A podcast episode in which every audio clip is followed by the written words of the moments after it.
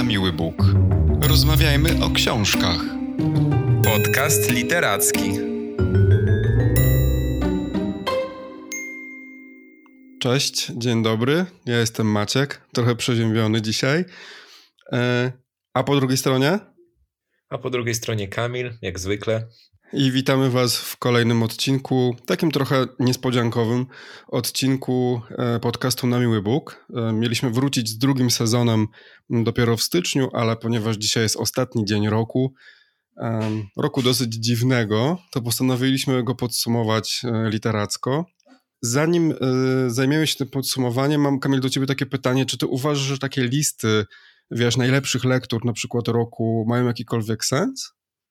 Ja myślę, że jak najbardziej mają sens, bo y, ja sam z, własnej, z własnego doświadczenia wiem, że jeśli ktoś dzieli się swoimi przemyśleniami na temat najlepszych pozycji, czy to w książce, czy to w filmie, czy to w każdej innej dziedzinie sztuki, to często trafiam y, na te pozycje zachęcone właśnie takimi rekomendacjami i potem y, te treści udzielają się również mi, więc jak najbardziej y, uważam, że warto sobie polecać na takich przedziałach czasowych. No właśnie, bo ja zadałem ci to pytanie dlatego, że ja nie wiem, bo mam taki problem z książkami, na przykład, które przeczytałem kilka miesięcy temu, że ja nie do końca pamiętam, o czym one były. Naprawdę. Najczęściej pamiętam książkę, którą czytałem ostatnio, albo tą, którą czytam teraz, ale natomiast mam z takimi starszymi książkami taki problem, że po książce pozostaje najczęściej w mojej głowie tylko takie ogólne wrażenie, ogólny klimat panujący w tej książce, jeden lub y, y, dwoje bohaterów i jakaś konkretna scena. I to jest jakby wszystko. Ja nie pamiętam książek e, w taki sposób, jak na przykład pamiętam niektóre filmy. Nie wiem, z czego to wynika. Być może też z tego, że dosyć dużo czytamy i jakby um, wypieramy te, te stare treści nowymi. Jak patrzyłem sobie na przykład na, na listę y, naszych książek, które omawialiśmy w tym roku w podcaście, no to bardzo trudno mi na przykład jest wybrać tę najlepszą. No ja z kolei mam e, takie mm, przemyślenia, że mm, jeśli nie pamiętasz o, o, o książkach, to wychodzę z założenia, że były one nie na tyle dobre, żeby je zapamiętać.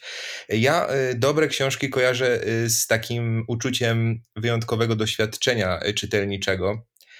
I nawet jeśli nie, nie przedstawię z pamięci kolejnego, kolejnych elementów tej książki, kolejnych wydarzeń w tej książki, to ja pamiętam uczucie, jakie mi temu towarzyszyły. Ja pamiętam jakby stworzenie się we mnie nowego punktu widzenia na pewne rzeczy. Y, I nawet jeśli nie podam Ci wszystkich konkretnych przykładów z tej książki, to ja wiem, że ta książka była dla mnie ważna i towarzyszyły mi wtedy istotne, przełomowe emocje. I ja z tego roku myślę, że nawet nie myślę, wybrałem te trzy, przynajmniej trzy książki, które zrobiły na mnie największe wrażenie i powiem Ci szczerze, że nie wszystkie one czytane były przeze mnie chronologicznie najpóźniej, bo są też takie, które czytałem na przykład w pierwszej połowie tego roku. No właśnie, bo w pierwszej połowie roku nie, nie nagrywaliśmy jeszcze podcastu, a też czytaliśmy. Też mam taką książkę z tamtego okresu, ale zgodzę się z Tobą, że faktycznie, no być może było tak, że te książki, które czytałem w tym roku, nie były jakoś, nie były jakieś bardzo wyjątkowe. Aczkolwiek, mm, jak myślałem o tym, jaką książkę wybrać jako tę najlepszą, to, to śmiało mogę powiedzieć, że polecam właściwie wszystkie książki, które omawialiśmy w podcaście. Z tego prostego względu, że ja poświęcam bardzo dużo czasu na wybór konkretnego tytułu. E, podobnie mam zresztą z filmami e, i złapałem się ostatnio na tym, że czasami więcej czasu zajmuje mi e, szukanie filmu do obejrzenia, niż faktycznie czas trwania danego filmu. Wiesz, można po prostu szukać filmu dwie godziny i tracić ten czas zamiast obejrzeć jakiś konkretny obraz. E, no i z książkami mam e, bardzo podobnie, szczególnie właśnie, że lubię doczytywać książki do końca. Bardzo nie lubię, gdy muszę porzucić jakąś książkę w trakcie. Czuję się jakoś tak nie fair wobec autora, bo też e, no wiem, jaka to jest olbrzymia praca tytaniczna na napisanie takiej powieści. Natomiast faktycznie mam takie książki w swoim czytelniczym życiu, które mógłbym też określić takim mianem, e, tak jak ty to opowiedziałeś, bardzo ładnie zresztą, że stworzyły w tobie taki nowy punkt widzenia i że te książki są dla ciebie ważne. I nawet mam takie książki, które e, właśnie z tego powodu czytałem wielokrotnie. Natomiast w tym roku nie wiem, czy, czy znalazła się taka książka, po którą sięgnę ponownie. Ty masz takie książki, na przykład do których wracasz co jakiś czas i podczytujesz je, albo czytasz je w ogóle od nowa? Y, tak, są takie książki, y, które czytam y, od nowa i myślę, że w tym roku znajdzie się przynajmniej jedna książka. Mam na myśli książkę przeczytaną w 2020 roku, którą przeczytam może w następnym, może w którymś z kolejnych lat. Natomiast zdecydowanie rozumiem Cię w Twoim podejściu do selekcji książek, że ten proces selekcji trwa jakiś czas.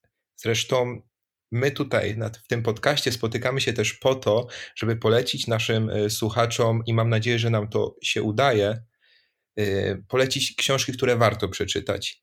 Więc e, ta selekcja jest na tyle wyśrubowana i mam nadzieję trafna, że przedstawiamy Wam książki tylko dobre. I nawet jeśli one nie zmienią naszego życia, że tak to powiem, to wszystkie je tak jak podobnie jak ty, polecam. Uważam, że wszystkie książki, które od lipca poleciliśmy w tych 22 odcinkach, które mamy za sobą, są warte przeczytania. E, ja wybrałem sobie dzisiaj e, takie swoje top 3, ale w zasadzie mam jeszcze dwie dodatkowe książki, o których chciałbym e, powiedzieć. Nie wiem, ile ty książek tutaj dzisiaj nam wskażesz swoich ulubionych. Ja mam trzy. Dwie pochodzą z podcastu i jedna sprzed. No dobra, to zaczynamy i może zróbmy to jakoś na zmianę. E, mhm. Dla mnie chyba najważniejszą książką, znaczy najlepszą, bo może nie wiem właśnie czy najważniejszą, najlepszą książką e, omawianą w podcaście jest Pokora e, Szczepana Twardocha i to jest mój numer jeden, jeśli chodzi o powieści. To jest po prostu książka totalna. To jest to, czego ja szukam w powieściach. To jest świetnie warsztatowo i jakby też e, ideowo napisana pozycja z jakimś takim fajnym właśnie przekazem, ale też z bardzo dobrym warsztatem. Bardzo podoba mi się to, czego autor dotyka najbardziej w tej książce, czyli właśnie te takie problemy tożsamościowe na, na, na wielu poziomach. Pamiętam, jak rozmawialiśmy o tej książce, że e, że ta tożsamość właśnie rozgrywa się nie tylko na tym podstawowym poziomie narodowości y, tego bohatera, kim on się czuje, czy właśnie Ślązakiem, Niemcem, czy Polakiem, tylko to, co najbardziej mnie w tej książce zafascynowało, to ta tożsamość taka w, zupełnie inna, na przykład y, taka próba udowodnienia, że można prowadzić inne życie niż to, do którego e, zostało się stworzonym, czy taka próba właśnie wyrwania się z tej takiej narzuconej e, roli to sprawiło trochę, że, że nie wiem, czy stworzyło we mnie właśnie ten punkt takiego nowego widzenia świata, ale na pewno sprawiło, że pewne kwestie sobie przewartościowałem i taki zupełny, zupełnie taki banał e, mi przychodzi do głowy, jak, jak branie losu e, czy życia w, we własne ręce i nie poddawanie się właśnie mm, temu, co jakby zostało dla nas zaplanowane przez, przez, przez nasze otoczenie. E, ta książka bardzo mi się podobała też językowo, e, świetna okładka, chociaż to ma drugorzędne zupełnie znaczenie, ale wiesz, to jest po prostu taka epicka opowieść. Ja tego właśnie oczekuję od powieści, e, od fikcji literackiej, takiego zanurzenia się w świecie, taki wspaniale wykreowanym, szczegółowo, zaludnionym takimi bohaterami z, z, charakterem. Każdy tam był jakiś. No z wielką, z wielką przyjemnością mi się tę książkę czytało i E, zachęcam zresztą do, do, do, do powrotu do tego 14 odcinka naszego podcastu, aby posłuchać więcej e, szczegółów. E, nie chcę jakby ponownie opowiadać o tej książce tak szczegółowo, natomiast to jest mój zdecydowanie numer jeden. I tutaj zgodzę się z Tobą, dodam jeszcze kilka słów od siebie, bo Pokora Szczepana Twardocha również jest w moim top 3 tegorocznych książek. Nie będę dodawał wiele, bo w zasadzie powiedziałeś y, to, co, to, co ja sądzę. Y, Pokora jest y, powieścią, która też zyskała taką, zauważyłem, największą popularność wśród naszych słuchaczy. Dostałem wiele mm, informacji zwrotnych, że przez to, że mówiliśmy o tej książce, to y, sporo osób po nią sięgnęło i, y, i ona wzbudziła bardzo pozytywne emocje. Y, I, i, I tutaj zupełnie się temu nie dziwię. To jest powieść, która poza tym, że ma całą pięknie zarysowaną warstwę historyczną, która też jest właśnie ogromnym atutem tej książki, bo, bo to jest warstwa historyczna związana ze Śląskiem y, po I wojnie światowej. To, są, y, to, jest, y, to jest bardzo interesujący okres i bardzo interesujące miejsce właśnie w tym czasie. I choćby mm, dlatego doceniam tę książkę, że zwróciła moją uwagę właśnie na to miejsce i na ten czas, bo wcześniej nie wiedziałem wiele na temat Śląska właśnie w tym burzliwym okresie. Y, teraz jestem w stanie y, bardziej zrozumieć to, co się tam działo i to, co się dzieje tam teraz, a w zasadzie też jest to dla mnie o tyle ważne, że to jest obszar, który położony jest obok Wrocławia, czyli obok miejsca, w którym na co dzień żyję. Więc dobrze jest jakby rozumieć historię swojego kraju również z tych obszarów, które nie są tak jakby w mainstreamie, w, w tej popularnej nauce tak forsowane i tak wyjaśniane. Więc pod tym względem pokora stworzyła we mnie taki zalążek zainteresowania Śląskiem i, z tego się bardzo cieszę. Poza tym, y, jeśli nie czytaliście jeszcze Pokory, to sięgnijcie po nią, bo, bo jest to książka y, z bardzo wartką akcją. Tak jak powiedziałeś, ci bohaterowie są bardzo charakterystyczni, y, są bardzo mm, wielowarstwowi, bardzo barwni.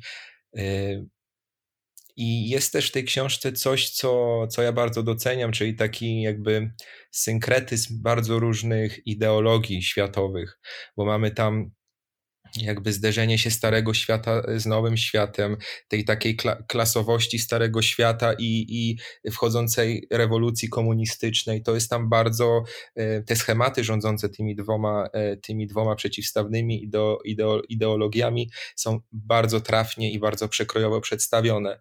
Ja też w odcinku powiedziałem, że według mnie Pokora byłaby świetną lekturą szkolną, bo tłumaczy jakby e, w bardzo taki zrozumiały i solidny sposób y, pewne mechanizmy i, i, i charakter w ogóle tych dwóch y, światopoglądów, idei y, na tym tle historycznym, a to jest wszystko bardzo bliskie Polakom, bardzo ważne, więc wydaje mi się, że, że, że, dla młodych czytelników, takich w okresie licealnym, byłaby to też bardzo wartościowa i sprawnie tłumacząca mm, kwestie właśnie ideologiczne książka.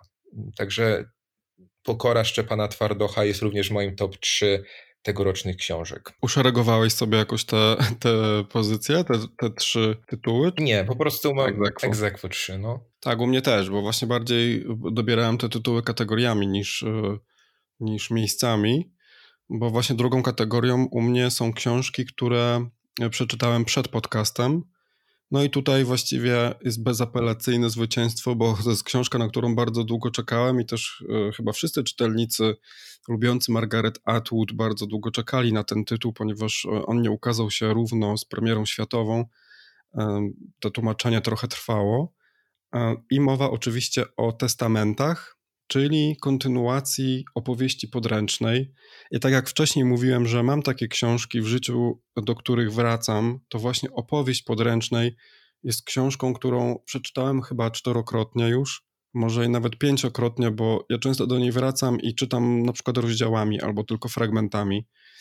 Zresztą ostatnio w ogóle kupiłem sobie przepiękne wydanie hiszpańskie, e, absolutnie interoligatorsko, świetna robota i też nawet podczytuję właśnie w ramach e, nauki języka e, te, te fragmenty, więc może już nawet sześć razy przeczytałem, ale jakby to jest naprawdę książka niesamowita, która zrobiła na mnie ogromne wrażenie i przeczytałem ją w ogóle zanim obejrzałem serial. To jakoś tak się zbiegło właśnie w czasie, bo ten serial wówczas był bardzo głośny i też postanowiłem najpierw sięgnąć po książkę jednak. Zresztą książka przecież nagrodzona y, międzynarodowym Bookerem, chociaż mam wrażenie jednak, tak szczerze mówiąc, że Margaret Atwood dostała tego Bookera nie za testamenty, tylko jakby za całokształt tego świata Gileadu, który właśnie wykreowała właściwie w obu książkach.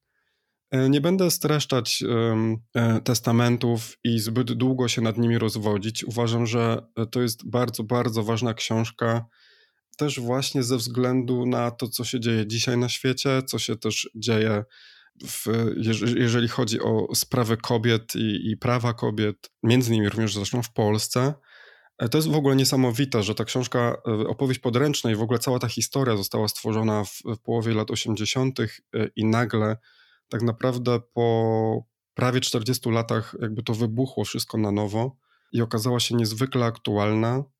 I nie wiem, czy ktoś czytał z naszych słuchaczy, zakładam, że tak, opowieść podręcznej, albo chociaż oglądał serial to warto zwrócić uwagę na takie okrutności, które są przedstawione e, w tej książce. W testamentach też nie brakuje takich wydarzeń, które przyprawiają nas o gęsią skórkę.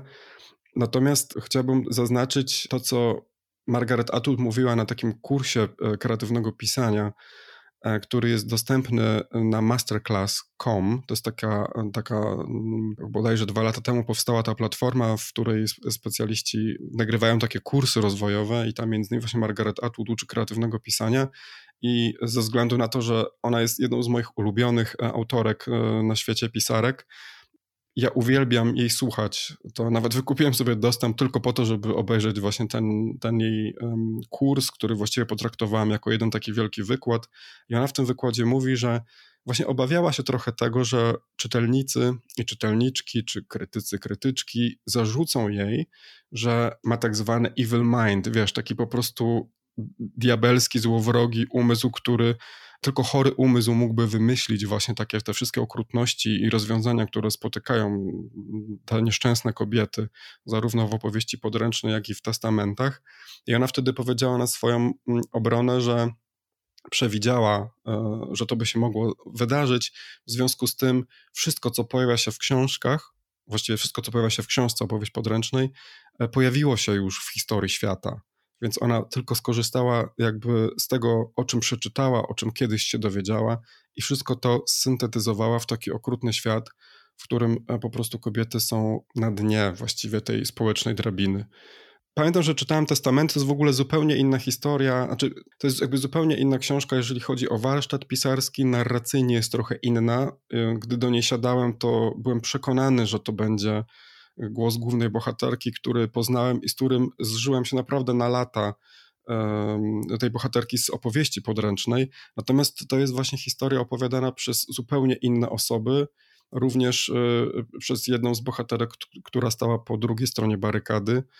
I jest to taki trójgłos e, narracyjny. Tam jedyny mój zarzut był taki, że może te głosy trochę zbyt do siebie były podobne, jakby nie były zbyt zróżnicowane.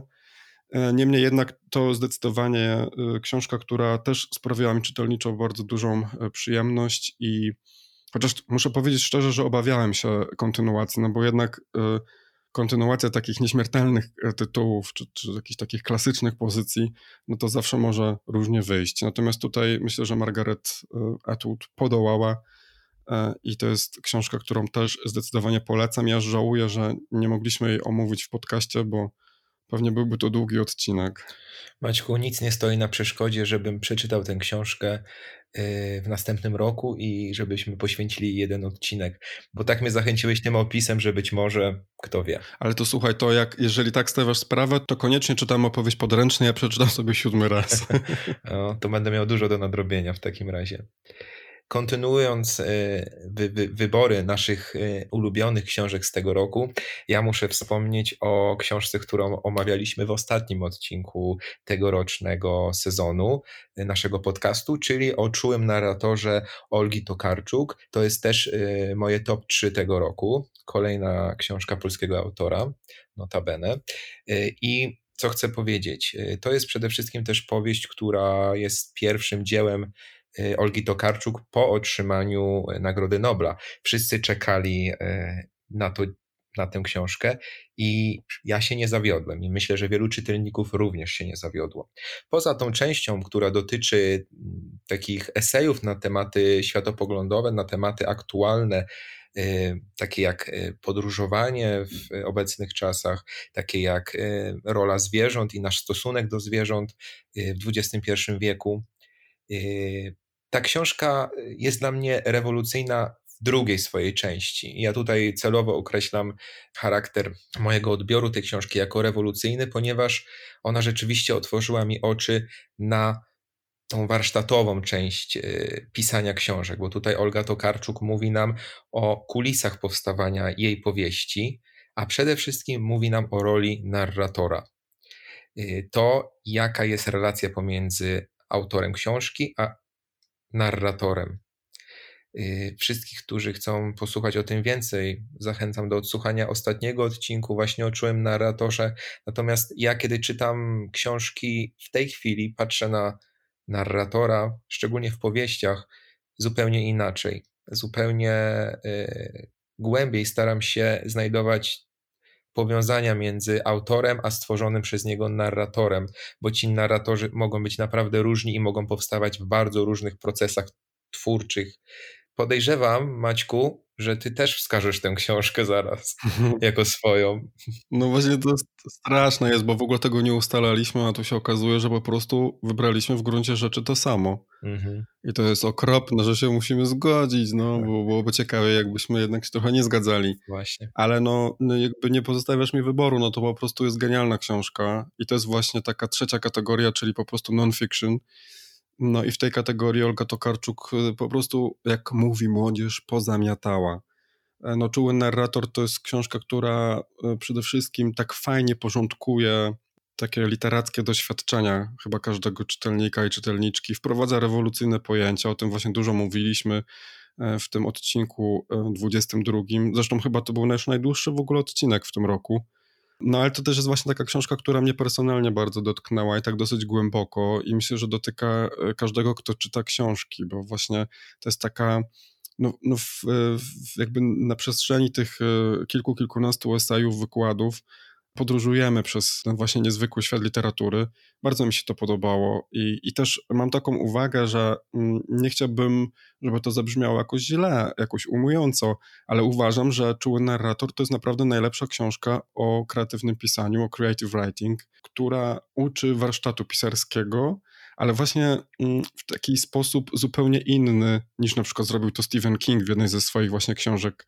Już nawet nie pamiętam tytułu, ale no można się na przykład tam było dowiedzieć, że, że nie należy używać przysłówków.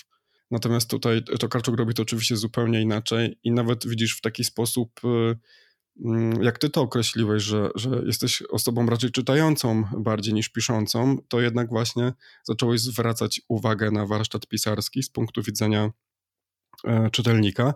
No a co dopiero, gdy ktoś jeszcze chce pisać, to zdecydowanie polecam e, tę książkę, aby właśnie podkrywać te takie zakamarki warsztatowe, typu właśnie narrator. To absolutnie to jest coś chyba, co mnie najbardziej zafascynowało w tej książce, te rozważania właśnie o narratorach. No naprawdę, no, nie, nie mam nic więcej do dodania, oprócz tego, co ty powiedziałeś. Jest to absolutnie wspaniała książka i e, no bardzo się cieszę, że mieliśmy okazję ją w tym roku przeczytać i omówić. No to ja na koniec jeszcze jako swoją trzecią książkę, którą polecam najbardziej, a która nie jest aktualną książką w sensie daty publikacji, bo jest to klasyka i ja też nie ukrywam, że y, ta klasyka bardzo mnie pociąga i, i staram się docierać do kolejnych pozycji z tego, z tego powiedzmy nurtu literackiego. Y, I, tę, I tą pozycją jest y, Wilk Stepowy Hermana Hessego. On był omawiany w jednym z odcinków.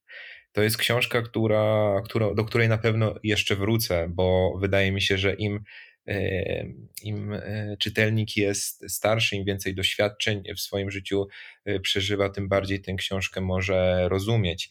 Jest to opowieść o o człowieku zmęczonym ciągłą walką, która toczy się w nim pomiędzy jego humanistyczną wrażliwością i taką wilczą drapieżnością. To jest człowiek y, nieprzystający do otaczającego go świata, właśnie pełnego materializmu.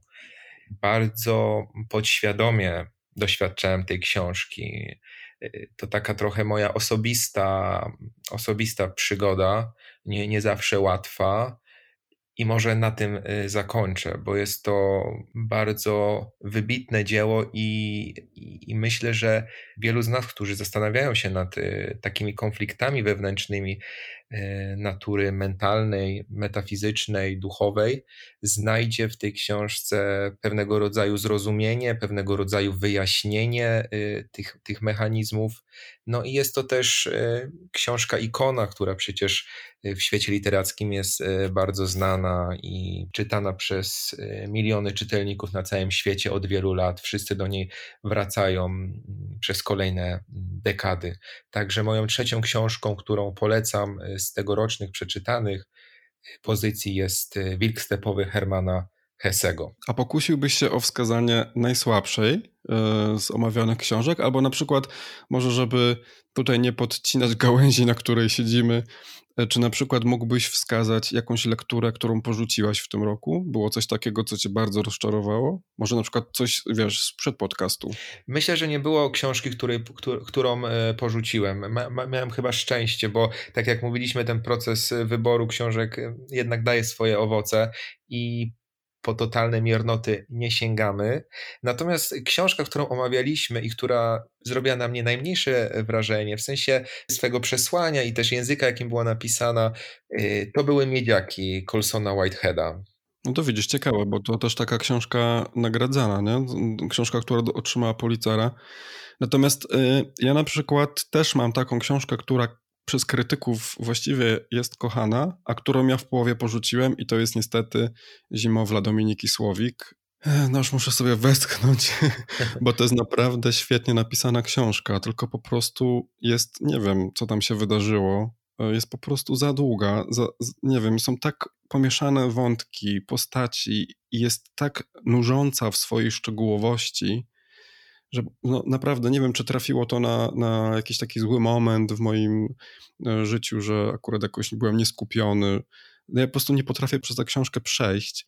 Natomiast e, no, mam ją w domu oczywiście, akurat kupiłem ją w papierze i też myślę, że zrobię kiedyś drugie podejście do niej, ponieważ e, ta książka jest jakby niezbitym dowodem na to, że autorka ma taką olbrzymią wyobraźnię taką naprawdę rzadko spotykaną, powiedziałbym, e, w polskiej literaturze, przynajmniej no, spośród tych tytułów, e, które ja przeczytałem. I tak sobie myślę, że, że to jest taka autorka, której należy się przyglądać, bo myślę, że ona jeszcze wiele razy zaskoczy.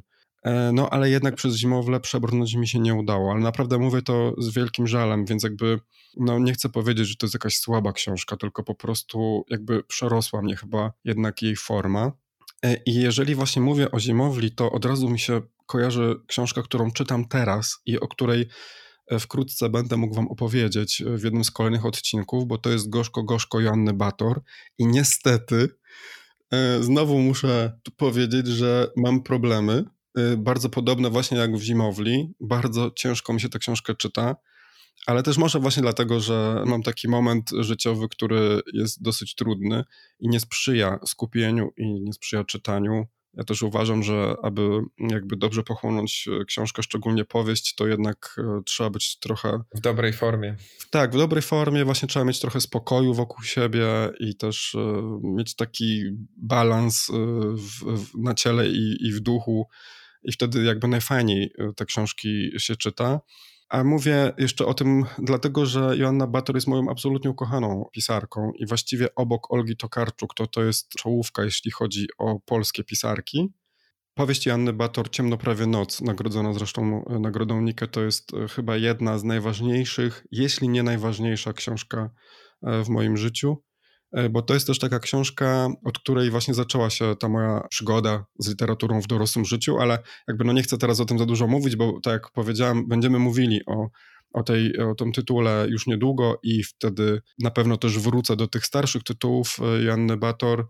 No jestem tak gdzieś w jednej trzeciej tej książki teraz, ona ma 650 stron, co jakby nie ułatwia zadania, Zbliżam się do dwusetnej strony, a czasu coraz mniej, bo na pewno będziemy omawiali tę książkę w styczniu, więc no cóż, e, muszę się zebrać i liczę na to, że jednak e, wciąż mnie to wciągnie, bo teraz mi się przypomniało, że przecież bardzo często tak jest. Mówiliśmy chyba o tym nawet w kilku odcinkach, że, że często książka nas przekonuje dopiero jak ją skończymy. Przy pokorze przecież tak chyba nawet rozmawialiśmy, że był taki moment, kiedy zaczynaliśmy czytać tę książkę i rozmawialiśmy ze sobą e, gdzieś tak powiedzmy po stu stronach jakby no, było tam trudno, że tak powiem. Natomiast po skończeniu powieści, no proszę bardzo, dzisiaj jest w, e, w topce e, i ją polecamy jako jedną z książek najlepszych, jakie przeczytaliśmy w tym roku, więc no, liczę, że z Janną Bator też tak będzie, bo mam do niej ogromne zaufanie. Tak, także o Joannie Bator już niedługo, bo, bo w styczniu A ja jeszcze, Maćku, zanim powiem, co czytam teraz, chociaż chyba nie chcę mówić. No dobra. Y, bo chcę, żeby to zostało niespodzianką. Ale jeszcze wspomniałem, że poza tym moim top 3 chcę, chcę zwrócić uwagę na dwie pozycje, które y, są moim zdaniem warte uwagi którą, i które chcę polecić naszym słuchaczom. To znaczy, jedną już znają z odcinka, a drugą, y, a drugą nie, bo, bo poznałem ją przed nagrywaniem naszego podcastu. I jest to pozycja Pokonać mur wspomnienia. To jest autobiografia Mariny Abramowicz.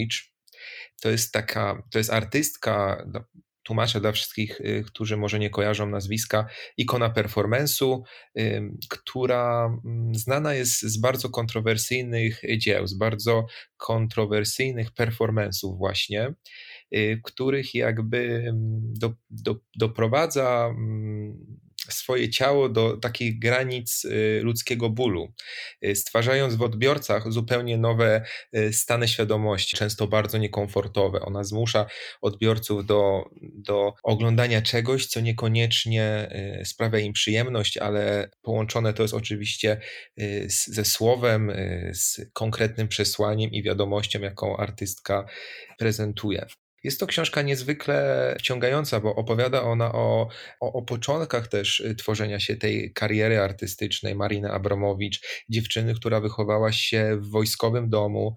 Y, mam tutaj na myśli ojca, który był y, właśnie wojskowym komunistycznym i córki despotycznej matki, która miała ogromny wpływ na życie tej, tej artystki, która to artystka mimo tych przeciwności dążyła do tego, by tą swoją swoją bardzo kontrowersyjną wizję y, performance'u przedstawić y, coraz to szerszej publicy. I ten rozwój, ten, ten dostęp do, do coraz większe, większego audytorium jest w tej książce pokazany. Jest to więc autobiografia na temat rodzenia się sztuki, rodzenia się artystki, ale jest to też historia miłosna, bo mm, Marina Abramowicz przez y, długie lata związana była z Ulajem, to, to był inny znany tym razem niemiecki performer, y, z którym y, przez wiele lat Marina Abramowicz łączyło uczucie, ale też y, wspólna działalność artystyczna. Stworzyli oni w wielu miejscach świata, w wielu miastach świata niezwykłe i często wzruszające, ale też mrożące krew w żyłach performensy. Tam, tam dochodziło do przełamania granic możliwości ludzkiego ciała Między innymi dochodziło do e, intencjonalnie wywołanych omdleń artystów, do okaleczania własnego ciała, oczywiście w, w taki sposób, który miał nieść ze sobą jakąś myśl i miał tworzyć w widzach jakąś, jakiś stan percepcji, którego wcześniej być może nie doświadczyli. Pragnę też zwrócić uwagę, że ta książka tłumaczy artystyczną wizję Marina Abramowicz, dlaczego ona tworzyła te, te, te, te, pokazy w taki, a nie inny sposób i co chciała osiągnąć. Ale wracając jeszcze do tej historii miłosnej, dla mnie najpiękniejsza scena z, z tym związana to była scena ich wspólnego, ostatniego performance'u, który był też jednocześnie zakończeniem ich związku, kiedy to pokonali na piechotę cały mur chiński kiedy jedno zaczynało tę podróż przez mur chiński z jednego końca muru, a drugie z drugiego końca i spotkali się gdzieś w połowie i zakończyli ten performance również e, rozstaniem po wielu latach. E, jest to autobiografia, którą e, bardzo polecam. A druga książka, którą, na którą chciałem też zwrócić uwagę, to jest omawiana niedawno książka Stanisława Lema, Dzienniki Gwiazdowe.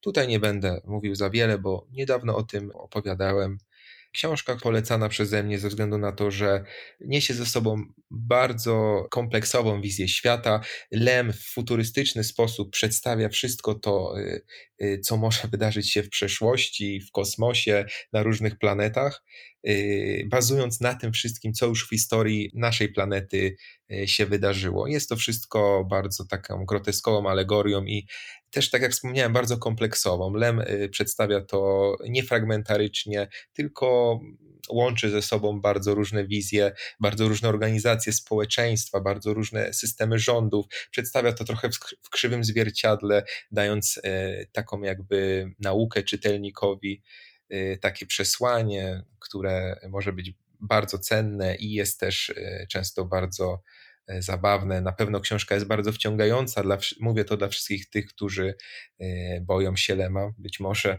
bo czasami Stanisław Lem i jego dzieła nie są łatwą materią do przebrnięcia, ale dzienniki gwiazdowe mogę polecić jako taki początek przygody właśnie z twórczością tego autora.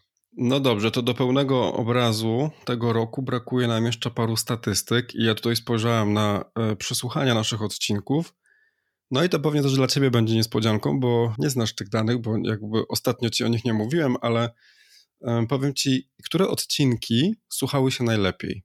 Okay. I na piątym miejscu właściwie mamy Egzekwo, bo to jest Zakłamane życie dorosłych Heleny Ferrante i czuły narrator Olgi Tokarczuk. Na czwartym miejscu Pokora, o której dzisiaj mówiliśmy. Na trzecim miejscu Nie ma Mariusza Szczygła. I na drugim miejscu znowu Olga Tokarczuk, opowiadania bizarne. A na pierwszym miejscu, co chyba nie jest też jakąś niespodzianką dla e, osób, które znają trochę technikalia podcastowe, to po prostu pierwszy odcinek marny Andrew Greera. E, no właśnie wynika to głównie z tego, że gdy ktoś odwiedza nasz podcast po raz pierwszy, to prawdopodobnie zawsze wyświetla mu się pierwszy odcinek do, do przesłuchania i no cóż, jeżeli się spodobamy, to wtedy słucha dalej. A jeszcze na sam koniec mam do ciebie takie pytanie. Masz jakieś plany czytelnicze na przyszły rok? Na przykład, wiesz, niekoniecznie chodzi mi o jakiś tytuł, ale na przykład czego chciałbyś czytać więcej? Mam takie, Maćku, y, ogólne zarysy w swojej głowie to, tego, y, co chciałbym czytać. Na pewno chcę się skupić też trochę na klasyce, chcę poznać te wszystkie y, nazwiska, o których istnieniu wiem od zawsze, ale nigdy nie miałem czasu, żeby sięgnąć po ich dzieła. Nie będę tutaj nawet mówił konkretnych nazwisk, bo jest ich bardzo wiele. Także ogólnie chcę skupić się na klasyce, chcę skupić się też na powieści współczesnej.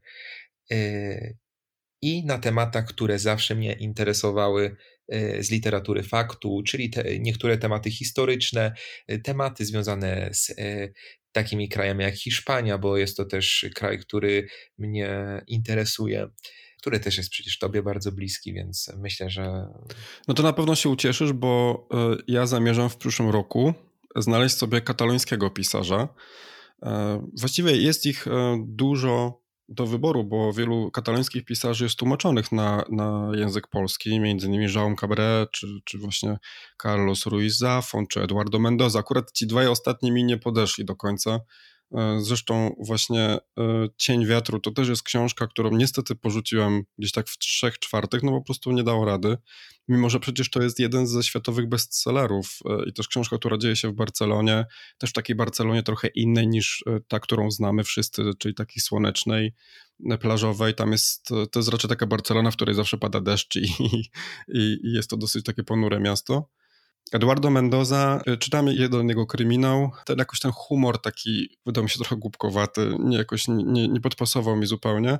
Natomiast Jean y, Cabré przeraża mnie, jego powieść o, ostatnia, napisana chyba 9 lat temu, y, Wyznaje, która zdaje się, że jest takim rodzajem spowiedzi, jest po prostu tak obszerna, że nie wiem, nie starczy mi chyba czasu, żeby po to sięgnąć, ale chciałbym sobie właśnie znaleźć albo katalońskiego, albo hiszpańskiego pisarza, czy albo pisarkę, których po prostu nie znam i, i chciałbym poznać e, ich twórczość zupełnie od początku, ale w ogóle mógłby to być ktoś zupełnie nowy. Mam ochotę w ogóle odkryć jakiś taki nowy głos, na przykład e, spośród e, osób piszących na przykład w Afryce, albo gdzieś w Azji, albo w Ameryce Południowej, chociaż Ameryka Południowa na tej scenie literackiej jest bardzo dobrze reprezentowana. Mam ochotę na jakieś takie zupełnie nowe spojrzenie.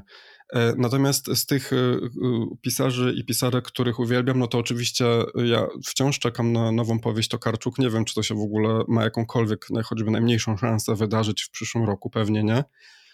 Ale bardzo bym się też ucieszył, gdyby Kazuo Ishiguro wydał coś nowego bo jeżeli chodzi o światowych pisarzy i pisarki, no to obok Margaret Atwood to właśnie Kazuo Ishiguro jest moim ulubionym pisarzem. Przeczytałem wszystkie jego książki i bardzo chętnie przytuliłbym jakiś nowy e, tytuł. Także zapamiętajmy te nazwiska, bo po to też jesteśmy, żeby mówić o autorach, których być może nasi, mm, nasi e, słuchacze nie znają. Ja na przykład dzięki Tobie już kilku autorów poznałem i, i czytam książki i będę czytał ich książki. Ja zamierzam sięgnąć też po jakąś klasykę, bo właśnie to, co ty powiedziałeś dzisiaj, też o tym myślałem niedawno, że kurczę, czytamy tyle książek, a, a wiesz, są takie tytuły, no, które zawsze się pojawiają na tych na przykład listach stu najlepszych książek wszechczasów, które po prostu trzeba znać.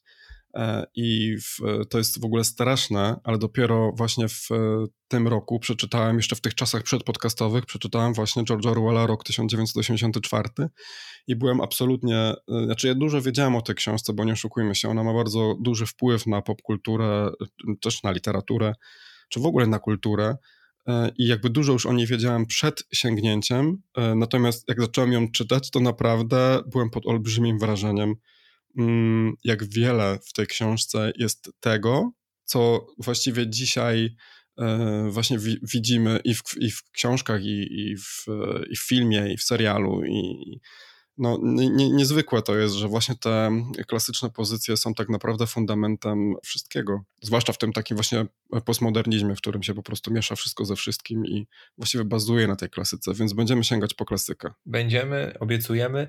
To jest też, to jest też dowód na to, że nie zawsze musimy kupować książki te, które świecą do nas z witryn, ale czasami trzeba też poszperać gdzieś e, w antykwariacie bądź bibliotece i znaleźć coś starszego, co niekoniecznie rzuca się w oczy, e, bo naprawdę warto, a my będziemy Wam takie tytuły również polecać.